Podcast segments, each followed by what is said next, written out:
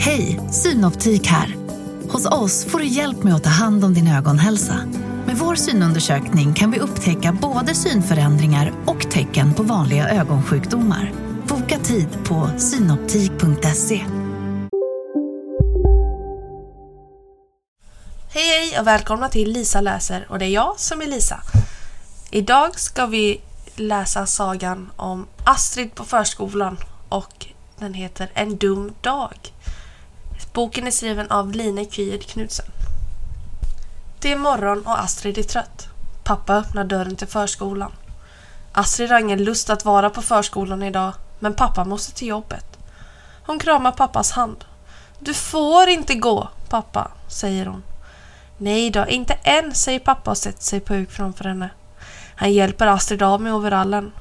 Hon fryser om armarna. Egentligen vill hon inte ta av sig overallen. Astrid vill bara gå hem igen. Maria sticker ut huvudet från köket. God morgon Astrid, säger hon och ler. Astrid vill inte säga god morgon. God morgon Maria, säger pappa och går ut i köket till Maria. Astrid blir tvungen att följa med. Vi är nästan klara med frukosten, säger Maria. Astrid vill inte ha någon frukost. Du får inte gå pappa, säger Astrid och håller hårt i hans hand. Men jag måste, säger pappa. Jag ska ju till jobbet. Astrid känner att hon får ont i magen. Ha det nu så bra idag, säger hennes pappa vid dörren. Nej, säger Astrid. Det kommer inte bli någon bra dag. Hon saknar redan sin pappa. Maria sätter sig bredvid Astrid på bänken framför fönstret. Vi vinkar till pappa, säger Maria. Astrid tittar ut på pappa som går sin väg från förskolan. Hon knackar på rutan. Pappa vänder sig, ler och vinkar. Sen går han. Då blir Astrid ledsen. Pappa är borta. Hon saknar honom jätte, jättemycket. Hon kan inte sluta gråta trots att Maria tröstar.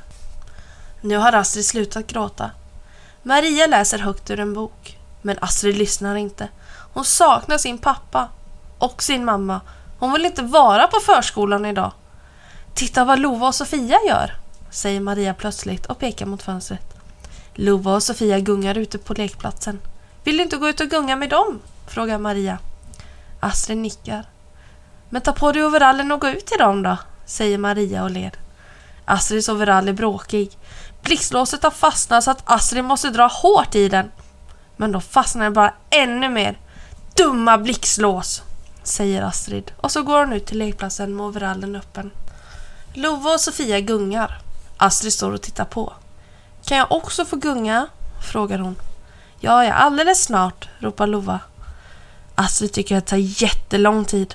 Och så äntligen hoppar Lova av gungan. Det ser fint ut. Astrid sätter sig på gungan. Hon vill gunga lika högt som Lova. Men det är svårt att få fart på gungan. Ska jag knuffa på så du får fart? frågar Lova. Ja, säger Astrid. Ge mig fart! Lova knuffar på en gång. Astrid kommer lite högre upp och så knuffar Lova på en gång till. Men då ramlar Astrid av gungan och får den i huvudet. Aj! säger Astrid och reser sig gråtande. Jag hämtar en vuxen, säger Lova. Strax efter kommer Maria. Hon tröstar och blåser på Astrids huvud. Och så drar hon upp blixtlåset i Astrids overall. Nu fungerade visst det där dumma blixtlåset igen. Astrid vill inte gunga mer. Titta, Noah, Fredrik och Viktor cyklar, säger Maria och pekar. Vill du kanske cykla med dem? Det vill Astrid gärna. Hon går in i cykelskjulet. Cyklarna står väldigt tätt. Hon tar tag i en cykel, men alla tycks sitta ihop. Astrids overall fastnar i ett cykelstyre så att hon inte kan komma loss. Hon drar hårt i overallen så att den får en liten reva. Men nu kan hon i alla fall komma loss. Astrid springer snabbt ur skjulet. Hennes hjärta bankar hårt. Hon fick ingen cykel och nu är hennes overall trasig. Astrid springer ner till buskarna. Där sätter hon sig på en stubbe. Hon vill inte gunga, hon vill inte cykla, hon vill bara hem. Äntligen är det dags att gå in och äta lunch. Astrid har fått fiskbullar på sin ena macka. Hon avskyr fisk. Astrid pillar bort fiskbullarna från brödet. Men det smakar ändå fisk. Hon vill inte äta mackan. Du kan äta den andra mackan, säger Maria. Astrid tittar ner på gurkmackan och så tar hon en tugga. Gurkan är sladdrig. Hon vill hellre dricka ett glas vatten. När Astrid häller upp råkar hon spilla vatten över bordet. Oj då, säger Maria. Nu får du gå och hämta lite hushållspapper. Astrid svarar inte. Hon vill inte torka upp. Astrid, res dig upp och hämta hushållspappret. Nej! skriker Astrid och klämmer ihop gurkmackan och fiskmackan. Viktor viftar med handen. Jag kan hämta hushållspappret, säger han. Snart har Viktor torkat upp vattnet. Nu vill Astrid ingenting längre. Allt är bara dumt idag. Efter lunchen vill Astrid inte leka med någon. Men lägg dig och vila en stund tillsammans med småbarnen då, föreslår Maria. Det vill Astrid mycket hellre. Hon tar en madrass och en filt och hittar en ledig plats på golvet. Maria läser en saga högt. Snart sover de andra barnen. Det är alldeles för tyst och lugnt. Nästan så det känns lite otäckt. När Maria går ut ur rummet vill inte Astrid vara kvar där längre. Det är inte alls trevligt att ligga och vila där. Astrid är helt ensam. Hon känner att hon snart kommer att gråta. Det är en riktigt, riktigt dum dag. Till slut går Astrid till Maria och nu gråter hon.